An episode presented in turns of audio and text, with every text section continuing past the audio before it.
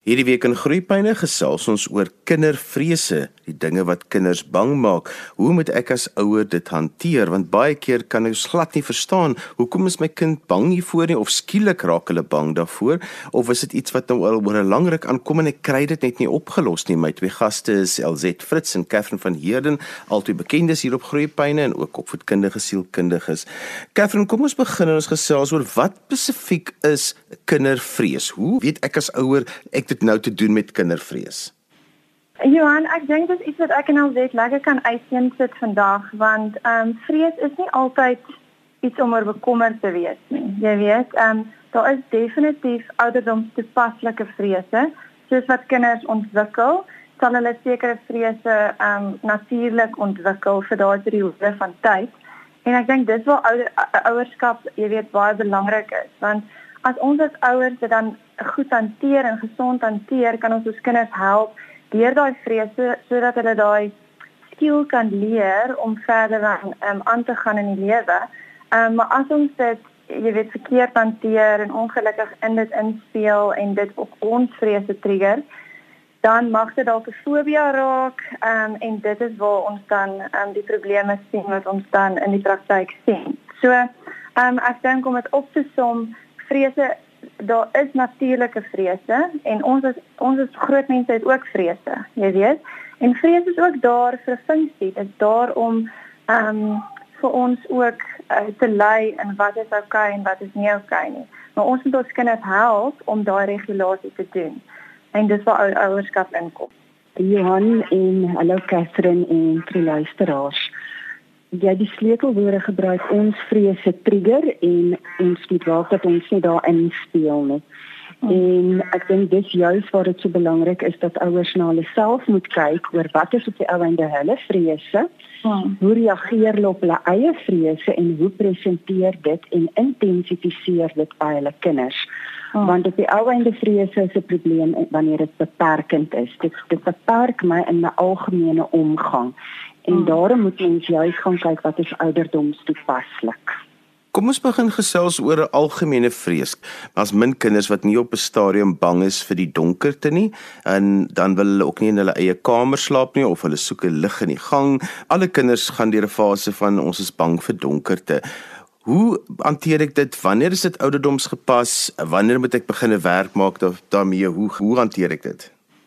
Johan, daai vrees vir donker, te weet ons is gewoonlik vanaf geboorte en dit kan aangaan tot ongeveer 7, 8 jaar. Ehm um, en die rede daarvoor is vanaf 'n oorlewingsoogpunt. Ehm um, in die donkerte kan 'n mens nie sien nie en kan alle ongediertes jou vang. So ehm um, dis wanneer mense dan gewoonlik saam gegroepeer ge, het om 'n vuurtjie want dan was daar 'n mate van veiligheid. Dit het eers ehm um, die laaste, ek sou sê ongeveer vanaf die um, 1800s waar die praktyk ontstaan het dat kinders in hulle eie kamer moet slaap in ons inheemse gemeenskap. Slaap die kinders by die volwassenes vir veiligheid. Ehm um, so wanneer ons ons kinders op 'n baie jong ouderdom in hulle eie kamer wil sit, Ehm um, dan die teenargument wat kinders baie keer al vir my gesê het, is maar mamma en pappa slaap saam in 'n kamer en hulle is oh. groot. en ek moet as kind in my eie kamer gaan slaap. Hoe onregverdig is dit nie? So ek dink ons as volwassenes stel baie keer 'n baie onrealistiese verwagting aan ons kinders. Ehm um, en die ontwikkeling van daai vrees vir die donkerte het juis ook te maak met 'n kognitiewe ontwikkeling. Want rondom hier 3-4 jarige ouderdom dan begin kinders besef maar daar seker goed waaroor hulle nie beheer het nie en die verbeelding skop in. So eh, ek sien 'n skade weer teen die muur en vir my lyk dit soos 'n monster. Mm. En dis waar daai vrees vandaan kom. Ja, en uh, as dit ek kan net aansluit daarso en um, ek dink dit is baie belangrik op hierdie stadium om ook te kyk na die pandemie waarin ons is en dit bring baie ander vrese na vore wat heeltemal 'n natuurlike respons is vir 'n kind om, jy weet, um, te hê in hierdie tyd en ons sien dit meer en meer. So klein babatjies en Peters wat byvoorbeeld laas jaar in lockdown was, um, wat nie ander mense gesien het nie, wat nie vreemde mense gesien het nie, wat nie gewoon was daaraan dat mamma dat mamma werk toe gaan of pappa werk toe gaan en terugkom nie. En ehm um, ons sien geweldig baie kinders op hierdie stadium wat as gevolg van laas jaar ehm um, byvoorbeeld skeiingsangs het. En skeiingsangs rondom die ouderdom van 2 tot 3, 4 is dit is iets wat normaal. Hulle sal dan begin agterkom, okay, mamma gaan en ma mamma kom weer terug. Hulle moet dit leer. Maar op hierdie stadium as gevolg van laas jaar se se lockdown um, en se inperking, um, sien ons dit baie meer en dit is dit is bietjie meer van 'n probleem. Dis nie 'n normale ding nie. Ehm um, dit dit perk kinders se funksionering in soos wat alsait um, nou nou gesê het. Ehm um, en dan later, jy weet in die lewe, tieners en preteens, ehm um, hulle het sosiale vrese wat ook maar 'n normale deel is van ontwikkeling. Ehm um, daar as ouers moet ons dit ook net ehm um, hulle help om dit reg te reguleer. Ehm um, en daar speel selfbeeld ook 'n baie um, groot rol. Ehm um, so daar is natuurlike vrese en daar is ook vrese waarna uh, ouers moet kyk en ek dink alsite sal ook ehm um, saamstem trauma het ook 'n baie groot effek daarop en sy kan miskien daarop uitbrei. En dan die laaste ding wat ek net wil sê is kyk ook na jou kind se sensoriese integrasie. Kinders met hoë sensoriese invloede, so kinders wat baie sensories sensitief is, hulle sal baie makliker vrese ontwikkel omdat hulle goed op 'n baie meer intensiewe manier ervaar. Ehm um, so kinders wat baie gehoorsensitief is, sal baie maklike fobie ontwikkel vir eh, vir vir harde geluide. Ehm um, en en dit moet dit, ons moet hulle probeer help daarmee. So dit speel ook 'n baie groot rol in die ontwikkeling van vrese. So as ons nou vir ouers wil raad gee oor hoe om hierdie vrese te hanteer, Hoe begin ons? Waar begin 'n mens om vir ouers te sê my kind het vrese vir hierdie ding, hoe help ek hulle? Johan, ek sê gewoonlik vir ouers nog voordat ek sê hoe hoe gaan ons dit hanteer. Ek vra eers vir ouers, ehm um, wat se ooreenkomste sien jy in jou kind en in jouself? Oh. En veral ook wat vrese aanbetref, want ons weet vrese kan geneties oorgedra word. En ons weet dat hoe ouers gaan reageer, die rolmodellering, so ouers wat self hoog angstig is. Daar's 'n baie goeie kans hulle gaan vir hulle kinders rolmodelleer hoe om oh. angstig te wees en terselfdertyd kan hulle ook met oorbeskerming dit vir 'n kind baie erger maak. So ons kyk na die genetika, ons kyk na die rolmodellering, ons gaan kyk na die omgewing en wat is die opvoedingsstyl wat die ouers vir daai kind het. So ons weet ons ouers wat die helikopter ouers is en die, die borrel en toedraai ouers met ander woorde, ek wil vir my kind die lewe te maklik maak, ek wil hulle te ah. veel beskerm. Enigiets met dit is ongesond. En dan gaan kyk ons na maar wat was die gebeurlikhede in die laaste 6 maande, laaste jaar en en veral nou met die COVID pandemie, die laaste jaar en 'n half. Want dit op sigself kan ook by kinders goed gaan trigger. So as ouers na my toe kom en hulle sê, "Maar help asseblief my kind, my kind presenteer op hierdie stadium met 'n skeidingsangs en wil nie in hulle eie kamer slaap nie." Dan is dit die vraag wat ek eers vra. Hmm. Verduidelik vir my wat besig om met die ouers te gebeur, wat is die ooreenkomste wat hulle sien? Is daar 'n angstige predisposisie aan een of aan beide kante van die gesin? Wat is die opvoedingsstyl en het daar iets gebeur? Want die meer golwe daar plaasgevind het, um, en dis gewoonlik die trauma golwe waarvan ons praat. So daar's iemand wat dood is. In baie gesinne is dit meer as een persoon wat dood is dit het 'n impak op die volwassenes. Die kinders hou die volwassenes dop. Mm. Catherine het verwys na die kinders waar die sensoriese prosesering. Ehm um, jy kan agterkom op die visueel, die auditief, die tassintuig, die reuk, die smaak. Hulle is maar hypersensitiewe kinders. So hulle tel die atmosfeer op in die omgewing. Hulle tel op wat is besig om te gebeur met die volwassenes. En die, die ouers is baie vinnig om te sê asseblief help my kind. Dan is my eerste vraag vir die ouer, hoe is jy besig om te cope? Wat het die laaste ruk in julle lewe wêreld gebeur? So die oomblik wanneer ouers dan vir my sê ons ons het ons besigheid verloor. Um twee familielede is oorlede. Um ons ervaar op hierdie stadium huweliksprobleme. Dan besef ek die golwe in hierdie gesin is groot en die kind gaan daarop reageer. dan is my werksaamheid as 'n sielkundige nie net gefokus op daai kind nie, maar dis ook bemagtiging vir die volwassenes, want as die volwassenes meer 'n gevoel van ondersteuning het en 'n gevoel van beheer en bemagtiging, dan is dit baie makliker om met die kind te kan werk en om hulle vrese te kan aanspreek. My twee gaste vandag is Elzet Fritz en Katherine van Heerden en hulle is albei opvoedkundige sielkundiges. Ons het al gepraat 'n bietjie oor trauma en dat dit kan lei tot kindervrese en dat die verhouding tussen ouers ook kan lei tot kindervrese. Verandering kan net so ook lei tot kindervrese in hierdie tyd waarin ons nou leef waar almal byvoorbeeld van die huis af werk, is die middag wanneer kinders by die huis is heeltemal anderster en die aande is heeltemal andersters wat hulle altyd ken en selfs dit kan ook lei tot sekere vrese want die klanke, die atmosfeer, alles in die huis verander. LZ want dit is nogal iets wat 'n mens in gedagte moet hou dat dit miskien 'n verandering is wat vir jou as ouers nie groot is nie, maar is groot vir die kinders en dan ontwikkel hulle vrese. Johan inderdaad en jy het nou verwys na die verandering wat in die huiskonteks plaasgevind het en die geluide. So ons weet ons kinders en ons volwassenes waar daar 'n predisposisie is tot 'n angstigheid. Baie keer tel ek dit op want ek kan agterkom daar's 'n groter sensitiwiteit vir geluide. So jy kry jou mense wat dan voel op 'n auditiewe vlak is hulle oorbelaai. Die genormale geluide, die stofsuier um die televisie, twee rekenaars.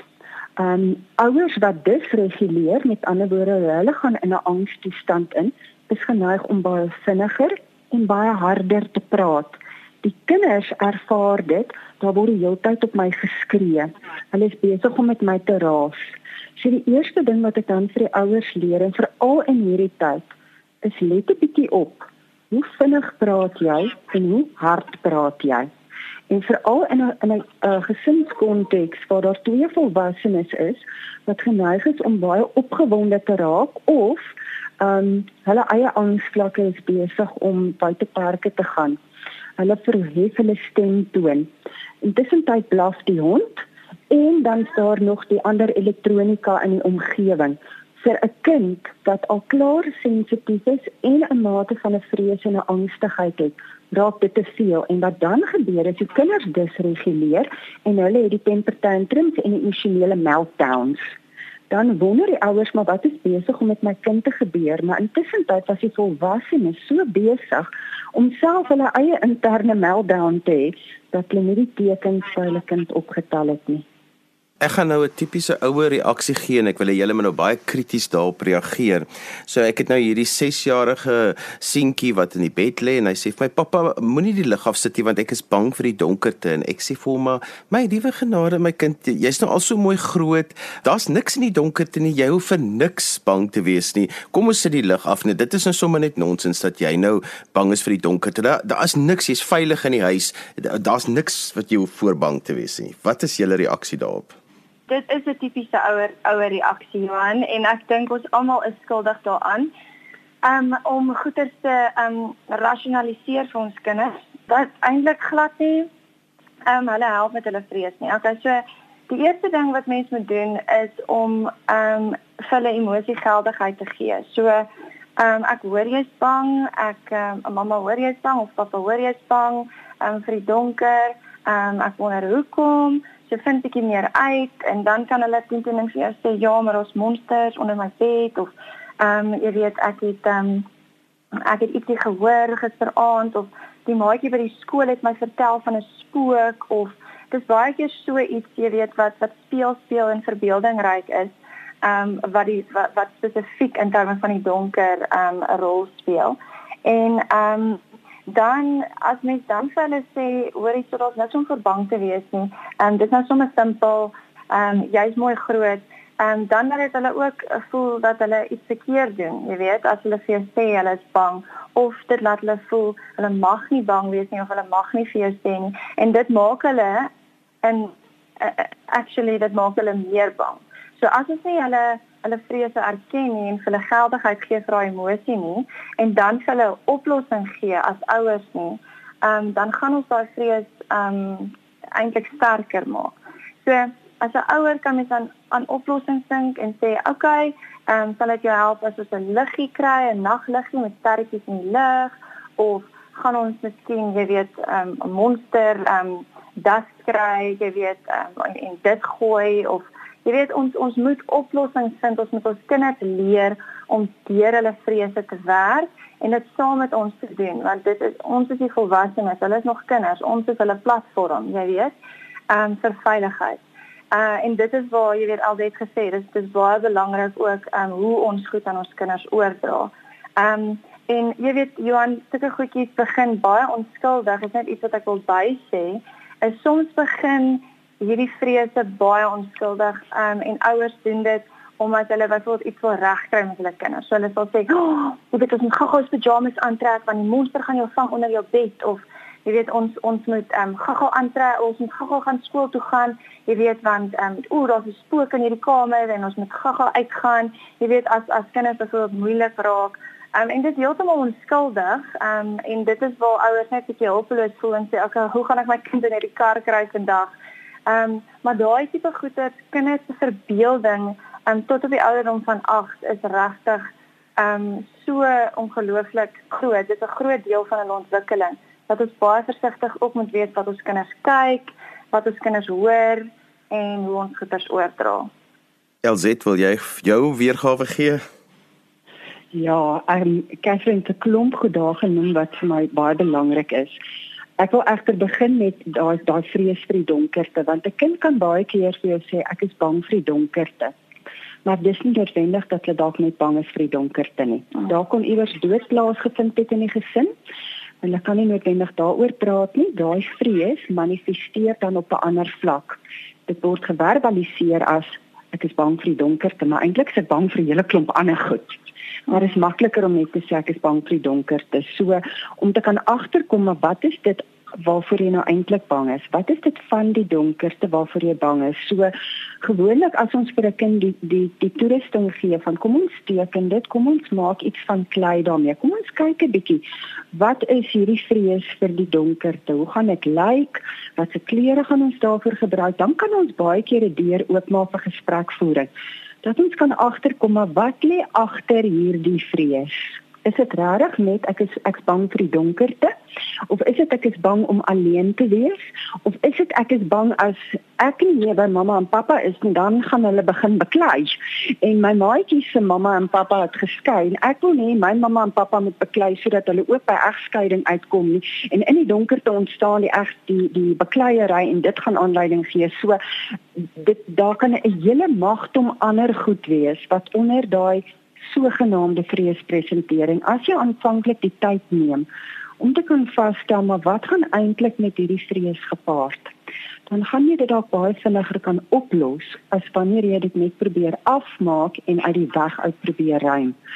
So die emosionele geldigheid waarna Catherine verwys het, met ander woorde, gee erkenning vir 'n vrees. En kom ons kyk wat gaan met daai vrees gepaard. Ons kinders wat geneig is tot 'n meer angstigheid een vrees borrel oor na 'n ander vrees, borrel oor na 'n ander vrees en presenteer as 'n ander een. En dis waarna ons op die ou einde moet gaan kyk dat ons dit letterlik kan begin ontknoop. Um Catherine het verwys na tegnologie, die goed waarna ons kinders kyk, wat hulle hoor en veral die laaste ruk waar baie meer kinders blootgestel is aan tegnologie want dis hoe hulle onderwys ontvang. Hmm dis 'n wonderlike vaardigheid en dis wonderlik um, hoe ons ons kinders daarmee bemagtig, maar terselfdertyd moet ons ook bewus wees. Wat is die goed waarna ons kinders kyk? En selfs ons ons jonger kinders, kinderflieks, um, kan kan tot vrese aanleiding gee by 'n kind, suiwer aan die hand van geluide wat gepaard ja. gaan met sekere kinderflieks. En ons as volwassenes is nie altyd bewus daarvan nie. So ja, gee erkenning waak teen 'n oorreaksie, waak teen 'n etikettering en probeer eerder jou kind ontmoet op die vlak waar hulle is. Ons sê altyd as ons nie luister na die klein tekentjies wat 'n kind vir ons fluister nie, dan gaan hulle liggame later vir ons groter simptome skree. So as jy nie aanvanklik na daardie klein vrees luister nie, dan voordat jy besef sit jy met 'n kind wat die naels ingeëet is in die lewe. 'n kind wat weer begin letnat maak. Ehm um, en skielik is daar baie um, regressiewe gedrag. So 'n kind presenteer met ehm um, gedragspatrone wat ek tipies sou ervaar het toe my kind baie jonger was. Teen daai tyd beteken dit die vrees het buite hande geruk. Hmm. So as ons dit eerder onmiddellik kan aanspreek en ons kyk wat kan ons daarmee doen sodat my kind 'n gevoel van bemagtiging van ervaar en 'n gevoel van veiligheid dan gaan ons baie vinniger daai vrees kan hokslaan. Catherine, wat ook frustrerend vir 'n ouer is, is dat alles was nog 100% gewees vir die laaste 5 jaar. En dan skielik een oggend dan wil die kind nou net nie in die kar klim nie want hy is nou bang vir skool. En dit kom nou net mooi op daai moment wanneer jy nou hastig is, jy het sewe meetings wat jy moet gaan doen en nou moet jy in hierdie oomblik nou nog met hierdie skielike ding moet jy nou dit nog ook hanteer en dis 'n groot uitdaging vir ouers. Ja, ja, en ek dink dit is 'n baie belangrike ding wat jy sê, um, omdat meeste ouers op hierdie stadium se angstigheid is ek sal sê tussen 10 en 30% hoër as gevolg van die tye waarin ons leef hierdie laaste jaar en 'n half.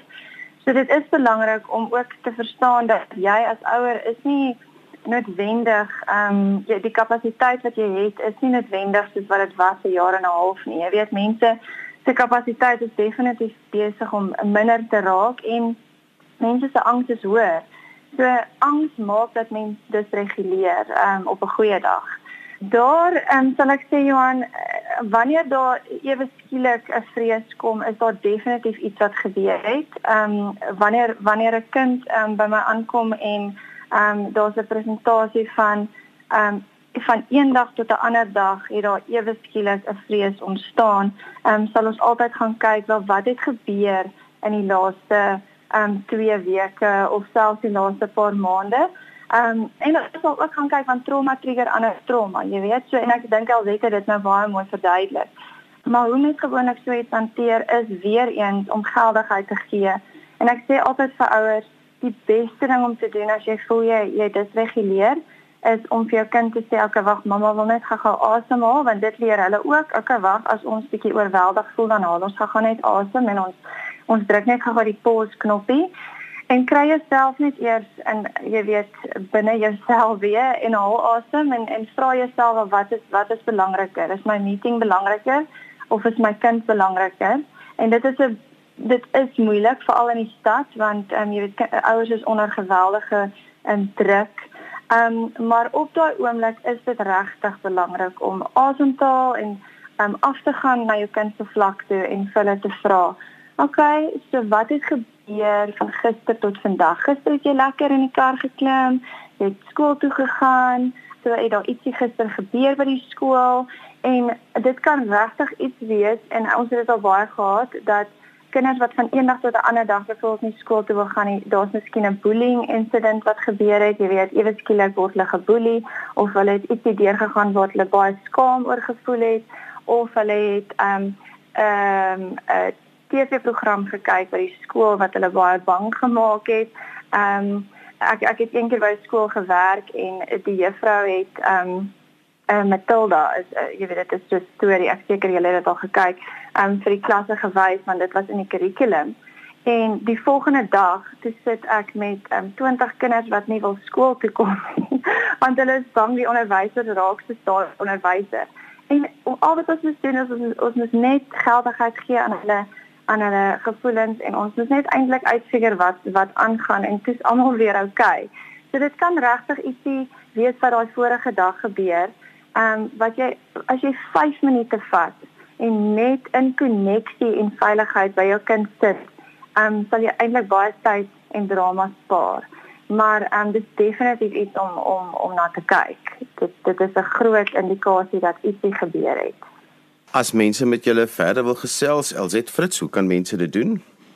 Johan, jy kan my kontak op my e-posadres e l z e t t e f r i t z suikertjie1@gmail.com en ek wil net graag sê to err is human and to forgive is divine en meeste oh. van ah. ons kinders is divine hulle vergewe ouers as ouers wel aangejaag het oh. um, ons leer op ons kinders daardeur 'n belangrike les Catherine van Heerden is um, ouers met jou verder gesels kos my e-posadres Johan, dis uh, cat uh, met 'n k v jerden@gmail.com.